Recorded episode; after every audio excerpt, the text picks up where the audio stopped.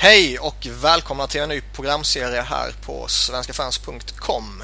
Eh, mitt namn är Niklas Wiberg. Jag är hockeyredaktör här på sidan och ehm, jag brukar skriva en del centrala artiklar, blogginlägg och så här och eh, jag följer Philadelphia Flyers framför allt. Eh, jag är också med i NHL-podcasten som några kanske lyssnar på. Tanken med den här är, eh, det här programmet är att jag med lite ojämna mellanrum kommer snacka med lite olika fans om läget i deras lag. Och vi kommer lägga fokus både på NHL och svenska lag. Programmet kommer kort och gott heta Ett lag, en röst.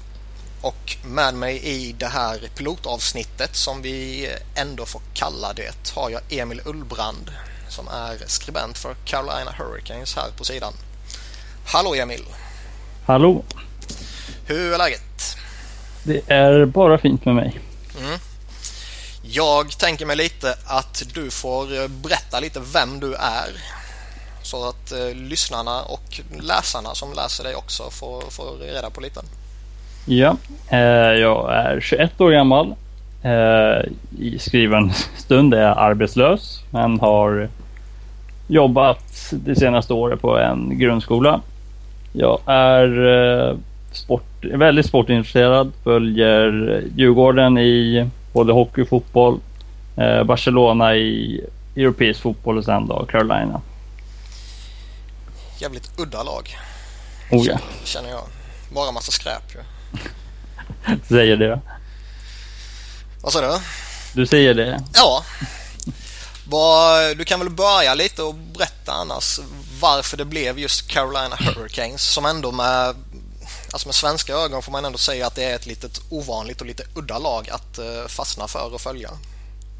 Jo tack, det kan jag hålla med om. Uh, ja, det, jag är inte riktigt säker själv men jag tror det var så att när jag spelade Isar Hockey Manager på ja, dator så tror jag var Los Angeles Kings och tradade till med Eric Stahl. Och då var han var helt enkelt så bra att han blev eh, en ja, favoritspelare för mig. Och sen eh, lite senare började jag följa lite hur det gick för han och då bara föll man in i laget och började mer följa laget överlag. Och, ja, efter några år så följde man laget mer regelbundet och så. Så jag är inte riktigt säker när jag kan säga att jag var supporter till laget. Det, Nej, nej. Oftast är det väl så om man eh, fastnar för ett lag att det är en spelare eller två som man eh, eh noterar lite extra och blir lite förtjust i. Jo. Det var ju samma för mig med, med Philadelphia när jag fastnade för John Leclerc och Eric Lund Lindros back in the days. Fina spelare. Mycket fina spelare. Eh, har, du, har du sådana känslor nu till Carolina liksom så att det inte skulle påverkas om Eric Stahl skulle hamna i något annat lag? Nej, eller skulle, det... eller skulle det liksom kännas konstigt? Nej, jag, det tycker jag faktiskt inte. Jag liksom ändå var inne på att eh, om man kan nu i år eller nästa år kanske försöka trada honom om det är så dåligt som ja, det ser ut just nu. Så mm. ja, nej, jag har inga problem med det faktiskt. Vad eh, skulle du vilja förlänga med honom och till vilket pris i så fall? Ja, inte till nuvarande cap i alla fall. 8,25 är alldeles för dyrt sett till vad han ger nu för tiden. Uh, men skulle, alltså, om man skulle komma ner mot 7, ja däromkring och sen inte allt för långt heller. Han är ändå över 30 nu så. Mm. Men uh, ja, 7 på tre år. Det skulle inte alls kännas speciellt fel. Nej, alltså framförallt skulle jag känna just det i hans fall så kanske det är viktigare för Hurricanes del att eh, kontraktet inte är så jättelångt. För jag tror, jag tror skillnaden mellan säg ett tre eller femårskontrakt eller skillnaden mellan ett fyraårs eller sexårskontrakt är betydligt viktigare och större än skillnaden mellan typ sju eller åtta miljoner i capita. Jo precis och sen kommer ju spelare som eh, Lindholm och ja, andra talanger upp och kommer för, äh, få förbättrade kontrakt. Och då gäller det inte att sitta alltför uppbunden på långa kontrakt som ja, kanske inte alls är så värda. Nej, man har ju lite uppbundet Joran Stahl och Alexander Semin minst sagt. Ja, precis. Um, har du någon favoritspelare i Hurricanes uh, rent historiskt sett? Uh, det är svårt att inte gilla Brindamore. Det håller väl du med om? jo, som Flyers-supporter har jag gott öga till honom. Uh, han var ju ändå kapten när Keynes vann 06. Så. han är en av de man, och dessutom är han ju kvar som assisterande tränare nu så man har ju gott öga till honom. Mm, mm. Uh, sen finns det ju lite spelare man gillar historiskt. Man, sånt som Ray Whitney gjorde ju bra ifrån sig under ett par år här efter lockouten. Uh, Ron Francis såklart, går ju inte att undvika. Nej, han är rätt stor. Uh, Glenn Wesley är ju den tredje av med Brindamore Francis som har sin tröja upphängd. Så ja, det finns några. Det är ändå stabila val känns det som. Oh ja. Vem har du som favoritspelare i laget nu då? Ja, man, alltså, man, det är klart man gillar ju vissa. man gillar alla spelare när det går bra men om man, om man ska se... nu, nu går det ju inte bra där. Nej, nu går det ju inte så jävla bra. uh, ja, Lindholm, Skinner gillar man ju. De är ju ändå unga. Eh, Lindholm är ju svensk så det är klart man har extra gott öga till honom. Eh, Justin Falk är fortfarande bara 22 år även fast han känns som mycket äldre.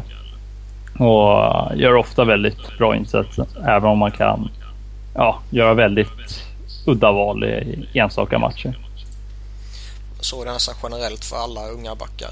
Oh ja. Och dessutom får han ju spela så mycket. Han är ju redan så här första back egentligen fast han kanske inte är helt redo för det. Mm. Så det är väl inte så förvånande. Nej, det, jag gillar vad han visar och det är något väl värt att bygga vidare på i alla fall. Han är redan riktigt bra tycker jag. Ja, och nu börjar man dessutom få ut lite mer av hans offensiva sidor. Han eh, har redan nu nästan hälften av eh, sin poäng från förra året. Och då han spelar 24 mot 76 matcher. Så det, Lite skillnad. Det finns potential att mm, i alla fall komma upp mot 40 poäng i år. Ja, det är en stabil siffra ändå i ett, eh, ja, i ett lag som förmodligen eh, kanske kommer husera lite längre ner i tabellen när 82 matcher är spelade. Ja, det tror jag också. Tyvärr. eh, Finns det någon spelare i Hurricanes, eh, antingen nu eller genom, genom tiderna då, som du inte har klarat av? Alltså ibland finns det lite sådana där hatobjekt i, i ens egna lag också. Uh, rent stor, alltså jag såg ju aldrig som sagt Hartford. De flyttade lite tidigare än vad jag. Men uh, av vad jag har läst därifrån så är ju inte Keith Primo så speciellt omtyckt av Kane-supportrarna. Så ja, han kanske är ett mål och av de bland senaste åren, ja, Shadler Rose var man väl lite trött på sig sista åren när han eh, var förhållandevis kass men eh, ändå fick chansen i första kedjan bland, eh, med Eric Stahl då, oftast. Fast det kändes lite som att han fick chansen för att han var, eh, alltså lojalitetskänsla typ, att han hade varit där länge och han var ändå rätt stabil Ja, det säger jag inte emot. Han var... Det var ju någon säsong här han kom upp i... Ja, vad kan det vara? Det var 40 poäng där omkring. Mm. Men sen tror jag många... Eh, ja, de sista åren, sista året i lockout-säsongen gjorde han 4 poäng på 35 matcher och fick... Eh, jag tror det var 2,5 i 2,5 miljoner i capita. Och det var ju inte alls värt alltså. Då, ja, nej, nej. Det var väl... dyra poäng. Mm, ja, precis. Så då var väl ganska många glada att han lämnade. Sen eh, har jag svårt för Jay Harrison i dagens lag.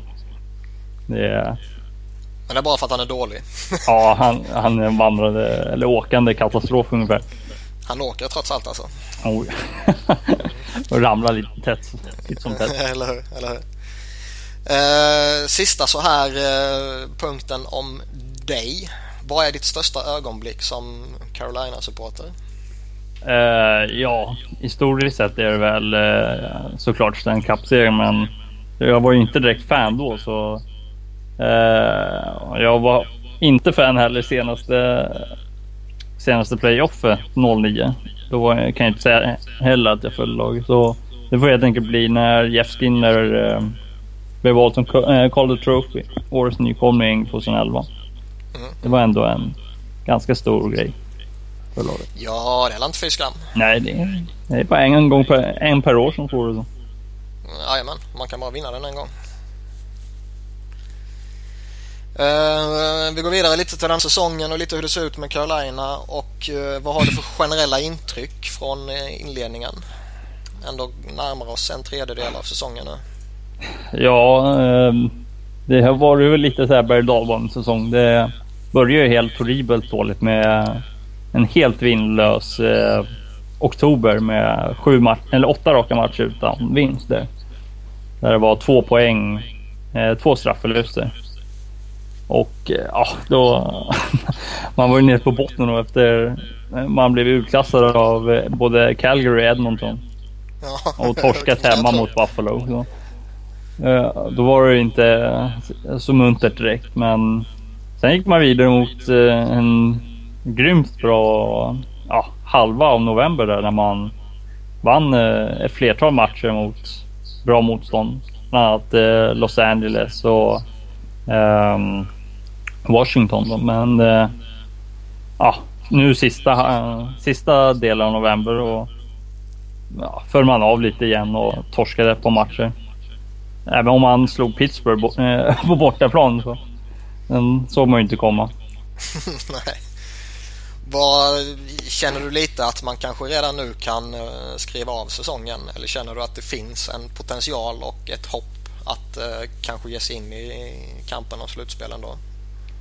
Det är ju klart man aldrig vill skriva av säsongen så här tidigt, men eh, det känns som man måste eh, spela mm, betydligt bättre och plocka lite mer poäng. Och, för har man ändå kontakt i januari när eh, det sägs att Jordan Starks går tillbaka, då får man ju tillbaka en väldigt viktig pusselbit i laget och ja, då finns det kanske möjlighet att plocka ännu fler poäng.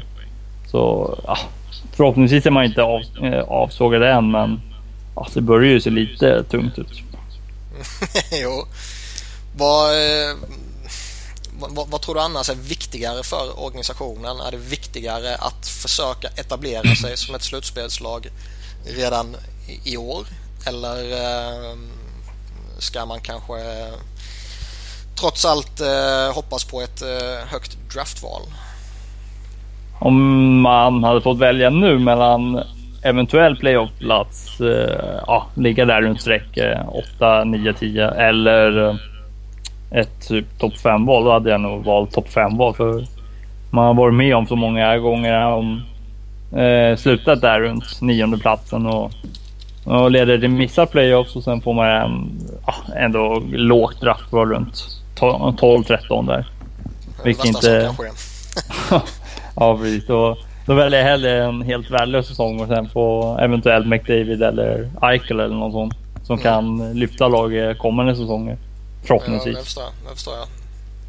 Jag, börjar, jag resonerar likadant själv med Philadelphia. nu ska vi inte prata Flyers i och för sig, men det, situationen är rätt liknande. Ja, precis. Eh, känner du att det finns några spelare du vill eh, lyfta fram som har imponerat trots att laget kanske har gått lite sådär?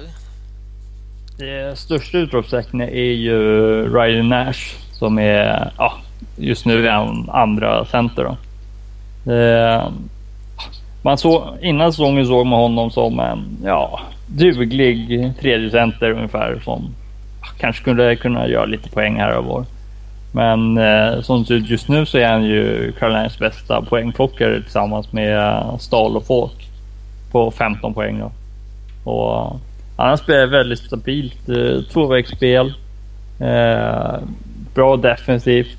Eh, kan även producera i exempel powerplay och så. Så han har varit en väldigt positiv överraskning faktiskt. Mm, mm. Är det någon eller några du vill ge en känga? Uh, det är svårt att, svårt att undgå Alex Emin där. Uh, fem assist på 19 matcher är ju inte uh, godkänt för någon spelare nästan och speciellt inte för någon som var, blev betald 7 miljoner dollar för varje säsong. Men, Nej, verkligen eh, inte. eh, visst, han har, han har sett bättre ut de senaste matcherna. Han gjorde sin kanske bästa match för säsongen nu mot eh, Nashville. Och det har varit tillfällen när han liksom borde gjort sitt första mål, men då har ju någon oerhört eh, snygg räddning eller någon stolpe stoppat honom. Så. Mm, mm. Vilka är han har spelat med? Alltså, eh, spelar med? Ja, Ja. Han har hoppat väldigt mycket. ibland. Han har börjat med... De försökte få igång det här eh, lockout-kedjan med ett Lustig, Stahl och Semin, men den övergav de ganska snabbt. Och nu senaste matchen har han spelat med Gerby och Nash i andra kedjan. Mm. Och den har faktiskt sett klart bättre ut än vad den, eh, ja, den föregående kedjan gjorde. Det är ju lätt att vara efterklok och allt vad det innebär. Men eh, känner du att det var ett misstag att eh, skriva kontraktet med honom? Ja, alltså det, det här är ju så här typiskt JR-kontrakt eller Jim Rutherford då, som nu är GM i Pittsburgh. De har ju typiskt så här kontrakt han ger ut till sina spelare. Alltså, man kanske borde tagit möjligheten att trada honom i trade deadline lockout-säsongen när han ändå var så het som han var. Då hade han ju ändå utgående och man borde kunna fått något vettigt för honom. Det är lite samma stuk som ja, om det var säsongen 2010 när man var klart avslagade och både Gleason och Tomo Rutto var bland de hetare free agents eh, som man kunde skeppa. Men istället valde han att förlänga båda två till överpriser och ja, två, tre år senare var man tvungen att dumpa dem mot skräp för att bli av med dem. Det är alltid en liten jobbig situation. jo, det är inte första gången med Rutherford heller. Härdad. Du var inne på Jordan Stahl lite tidigare att han eh, hoppas vara tillbaka i januari. Ja. Men eh, hur stor betydelse känner du att hans eh, skadefrånvaro har haft? Alltså, jag tror nog han, han har nog saknats väldigt mycket både på och utanför isen. Det, på isen är han ju, eh, han är ju en av toppcentrarna rent defensivt. Då. Det är ju inte, han tar ju alla viktiga teckningar i egen zon, spelar mycket boxplay och, och sen gör han ju dessutom upp mot 40-50 poäng. Så det är svårt att bortse från att han har varit borta. Och eh, sen är han dessutom en eh, assisterande lagkapten då som eh, säkert har en stor roll i omklädningsrummet. Känner du att han har... Eh, alltså han, han skrev ju ändå ett kontrakt med 6 miljoner cap hit. Känner du att han har levt upp till de förväntningarna som det innebär? Både ja och nej. Alltså första säsongen, eller nej det var förra säsongen. Då, det var, han fick ju spela med Gerby och Patrick Dwyer. 40 poäng med dem får ju nästan ses som eh, en bragd tror jag. Gerby är väl hyfsad men eh, Patrick Dwyer har ju tyvärr händer av sten så, så fort han kommer in i offensiv zon så han ska man ju inte räkna så mycket med. Men visst, det är väl klart man hade hoppats på lite närmare de här. Han var uppe på 50 poäng ungefär tre gånger i Pittsburgh. Så man hade ju hoppats att han kanske skulle vara lite närmare där men man såg ju man såg ju att han hade det i sig förra året. Mm. Så kändes lite som att det skulle ske när han fick en liten större och lite mer framträdande roll i, eh, i ett annat lag än han hade i Penguins. Ja, precis. Och, alltså, vid enskilda matcher kan man ju se det, för ibland är han ju helt... Eh, han går ju inte att ta pucken från till exempel. Och det, om han hade haft lite flyt tror jag han hade kunnat chippa in några till poäng där. Mm. Men eh, det är nog, han behöver nog bli lite jämnare om han eh, ska bli värd eh, det kontraktet. Även om han såklart gör mycket defensivt som inte direkt syns i statistiken. Nej, givetvis. Eh, en spelare som det pratas rätt mycket om i Carolina är ju Cam Ward. Som eh, han kom ju och gjorde dundersuccé 05-06 när man gick och vann Stanley Cup. Han fick Conn Smythe Trophy och så här och ehm, har väl egentligen inte lyckats leva upp till eh, förväntningarna som lades på honom därefter. Eh, är det något du kan hålla med om? med, det med Ken Ward är ju så svårt för han... Första säsongen därefter var han ju inte värd de pengarna för då hade han knappt ett snitt över 0,9 i eh, räddningsprocent. Men säsongen efter det då... Det är ju lätt att glömma att han spelar så otroligt mycket och Carolina har ju nästan tyvärr aldrig haft ett vettigt försvar. Så han har ju han har ofta fått 30-40 skott på sig.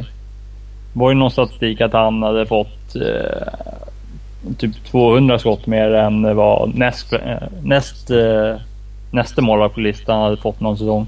Mm. Det är ju 200 skott, det är ungefär sex matcher till. Så han bär ju ett oerhört eh, stort ansvar på sina eh, axlar med det här väldigt tveksamma laget. Eller försvaret rent sagt. Men eh, i år har han faktiskt varit oerhört bra om man bortser från första oktober när ja, hela laget var, jag vet inte vad det var där men det måste vara någonting med att det var nytt system och ny tränare. Men nu i november har han varit ja, många gånger det ena skälet till att de har vunnit matcher. Förra säsongen var, eh, och tidigare säsongen var han rätt kritiserad och det var ju lite snack om att han, eh, man försökte trada honom och kanske till och med övervägde köpa ut honom i somras ju. Oh, jag, jag, var, jag var nog en av hans största kritiker i ja, förra säsongen. Och, ja, jo, det vet jag ju. jag nästan bad om att de skulle bara bli av med kontraktet på något sätt och bara ge bort det till någon eller något lag. Men, ja, nu, som det ser ut nu så är jag glad att han är kvar. Även om han inte är värd de där 6,3 nu heller. Men det är inte så mycket att göra åt. Nej.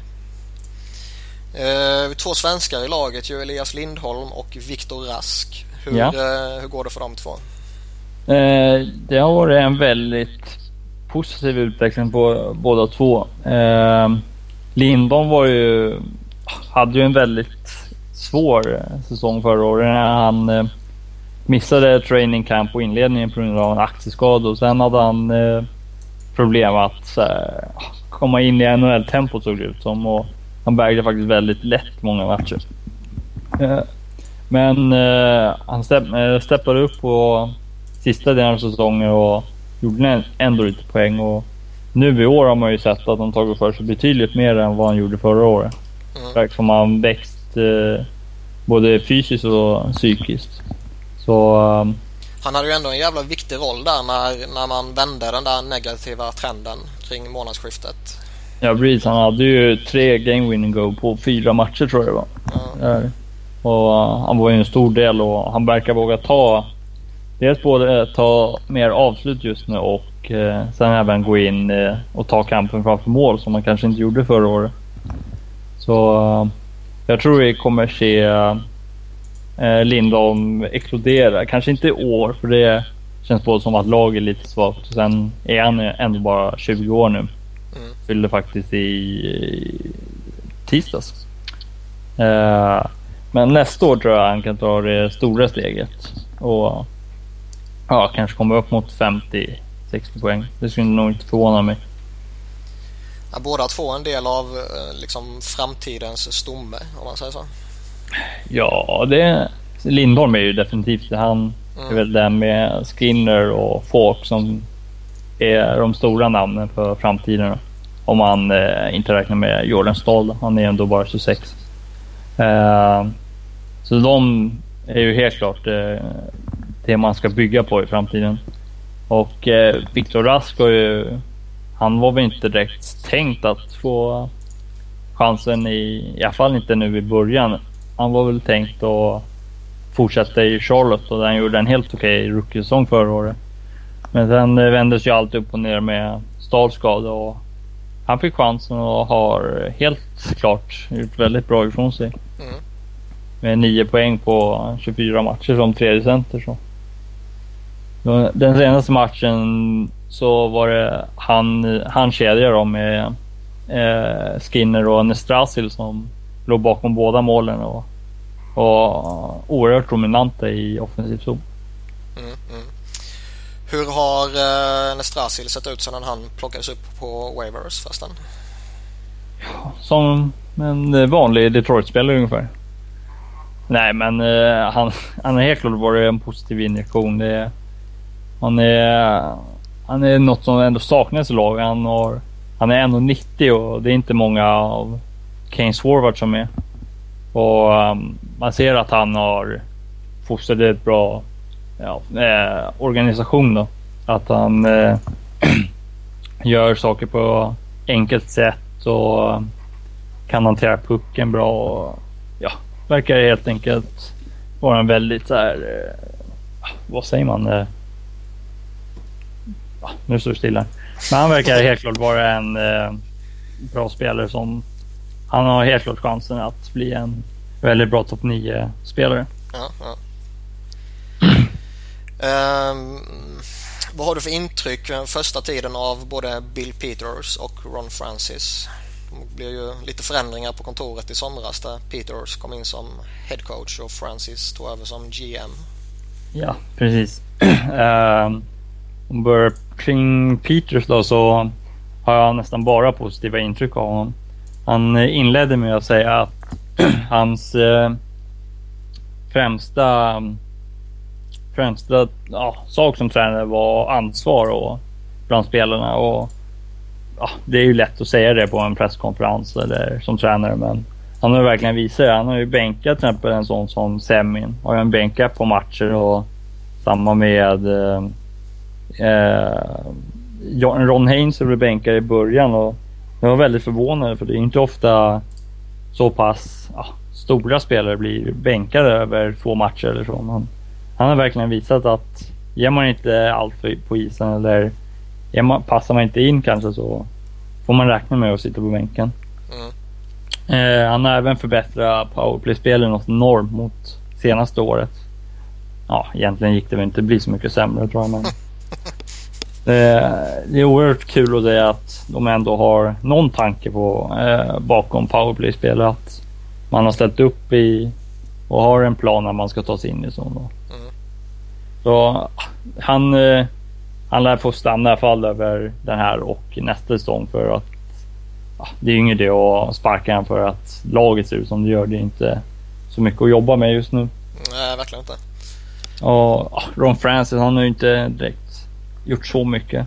Eh, han tog in McClement och Ben i somras plus Gleason då. Och ja, det var väl inga direkt moves som gjorde laget till så mycket bättre. Även om McClement är en stabil eh, fjärde center i boxplay bland annat. Och så. Mm. Eh, men han eh, gjorde några bra, eh, bra saker vid draften när han ja, tog eh, Hayden Fleury som kunde i första rundan med sjunde valet. Det tror jag inte Rutherford hade gjort. Han var mer... Det var ju någon kommentar han sa att han inte draftade försvarare i första rundan tror jag. Mm. Så uh, Fleury känns som ett väldigt bra val och lär kunna göra mycket nytta kanske på nästa säsong. Och sen gjorde han några andra val som Nedeljkovic i målvakten som kanske får stå ett par matcher i USAs eh, juniorlandslag nu i junior-VM. Mm, mm. Så det, man kan ju, Frans har som sagt inte gjort så mycket men jag är, man får se nu under kommande, bland annat vid trade deadline kommer det bli intressant att se om han är, gör någon skillnad mot Rutherford. Mm. Om eh, Emil Ullbrand fick vara general manager för en dag, vad skulle han hitta på då? Köpa ut Jay Harrison. ja, nej men eh, jag skulle nog eh, om jag skulle få bestämma själv skulle jag nog skeppa ut det som gick tror jag för som man inte vill ha kvar och bygga kvar på. Eh, Kluster tror jag man skulle skicka, jag skulle skicka. Han och utgående har ändå så här en helt okej okay säsong än så länge och man kan nog få något bra draftval eller en prospect för honom. Mm. Med eh, Sekera är lite svårare för då är han är ändå en så pass bra spelare men det beror mycket på om han vill stanna kvar eller om han vill ta chansen något annat lag. För han, kom, han sitter på en oerhört billig lön nu på 2,75. Den kommer ju säkerligen stiga till fem, över 5 troligen i sommar då. När han blir i USA. Så han... Ja, man, jag skulle kanske ta skeppa honom för att få in det man kan. Något första val skulle man säkerligen kunna få tillbaka. Hur har han sett ut uh, denna säsongen? Han var ju riktigt het förra säsongen. Tyvärr har han ju inte alls sett lika het ut. Den här. Det har varit väldigt mycket misstag i egen zon som man såg förra året. Och eh, rent offensivt så han är fortfarande mållös och har åtta assist på 23 matcher. Men eh, han lär fortfarande vara väldigt het på marknaden bland de som vill ha. Topp fyra backar går ju, finns det inte så många av. Så han borde kunna ge ett helt okej utbyte. Mm, mm. Finns det några hål i lagbygget som du skulle vilja plugga igen? Ja, försvaret har väl varit lagets killesäl hur många år som helst nu. Och man har två topp fyra back ungefär i Sekera och Falk och sen har man Ron Hainsey som eh, stabil liksom, backpjäs. Och sen har man ju eh, resterande spelare inte så mycket att hänga i granen direkt. I Belmore, Gleason, Harrison, Lyles. De är ju inte direkt de man vill bygga försvar kring. Det är oerhört mycket misstag och ja. Så försvar skulle jag, eh, försvarsspelare skulle jag nog försöka få in. Eller försvarsprospect som man kan få, få något av i framtiden. Det är därför Fleury är så pass viktig nu att han får en stabil utveckling och ja. Det kan jag säga att jag gillar med Francis också att han direkt sa när de draftade Fleury att om det var bättre för honom att ha det i Red Deer i Western Hockey League i två år till så skulle han få vara det. Man skulle inte stressa talanger som man kanske har gjort tidigare år.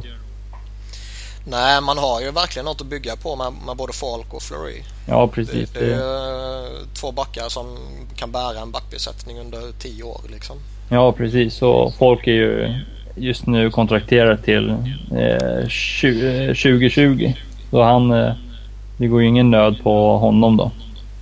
Eh, annars är det väldigt många kortare kontrakt förutom med Heinzer då, som heter 16-17. Mm. Det blir intressant. Ja. Sen är det stora frågan om man kommer gå för Marksdal nu i sommar. Det, det finns så mycket som talar för det. Om, speciellt om man gör så av med Sekera. Det skulle vara en schysst förstärkning. Ja, det skulle det nog. Vi skulle ju komplettera Stahl-familjen också. Eller hur? Alla fyra är där. Ja. Uh, känner du att du har något mer du vill lyfta om lagbygget? Nej, det... Okay. Jeff Skinner har jag ju inte nämnt så mycket, men man, man tar verkligen steg för varje år och han uh, gick väl ner sig lite efter sitt oerhört bra första år där, när uh, han vann Calder. Men det är rätt vanligt. Ja, precis. Och han hade lite hjärnskakningsproblem, men förra säsongen gjorde han ju 33 mål. Och eh, nu i år har han verkligen utvecklat sin... Eh, han verkligen använde omgivningen mer. Förut var det mer eh, enmansshow när han hade pucken, men nu börjar han använda sina kedjekamrater och ja, börjar plocka in lite mer assist tack vare det. Mm. Så det är lätt att glömma att han var E22 och ändå var över 30 mål två gånger i sin NHL-karriär. Helt okej. Okay. Ja. Uh, vi har en punkt kvar på vårt uh, program här och uh, det är den gamla klassiska grejen fem snabba. Ja. Som du har inte fått reda på dem i förhand och det är ju den här klassiska stilen då typ Gretzky eller Lemieux men med Carolina-fokus då. Eh, så vi börjar med Ron Francis eller Rod Brindamore. Ja, den var ju snäll. Ja, men då får jag väl ta Francis ändå. Han är ju inte en av NHLs bästa poängplockare genom tiderna för ingenting. Så. Mm. Då tar jag Francis. Eh, Eric Stahl eller Jordan Stahl? Eric Stahl. Elias Lindholm eller Viktor Rask? Ja, du tar ju Lindholm i alla fall. Mm. Niklas Wallin eller Uffe Samuelsson? Du måste ju ta Niklas Wallin. Han var ju med och vann Stanley Cup. Mm. Och gjorde flera övertidsmål. ja, det, det var ungefär de enda mål han gjorde. eller hur? Jag kommer ihåg det slutspelet. Det var absurt. Final mellan Carolina och Edmonton. Tiderna förändras sannerligen. Oh, ja, det, var, det var tiden. Mm. Sen har vi den sista, Peter Laviolette eller Paul Maurice. Jag måste ta Labrulett. Mm. Även om Morris var där i flertal gånger. Mm, han har gått och kommit tillbaka en 5, 6, 7 gånger känns det som. Ja, ungefär. Även Labrulett var ju ändå coach också för sen kappsegern och är väldigt omtyckt i ja, Raleigh överlag. Så. Mm. Mm. Var där eh, är vi klara för den här gången då. Och eh, vi får se när vi återkommer igen och med vem vi återkommer och angående vilket lag. Um, jag tackar dig Emil jättemycket för medverkan i det här pilotavsnittet och vi hoppas det blir supersuccé. Ja, det var bara roligt att vara med. Tack, tack och hej då. Hej.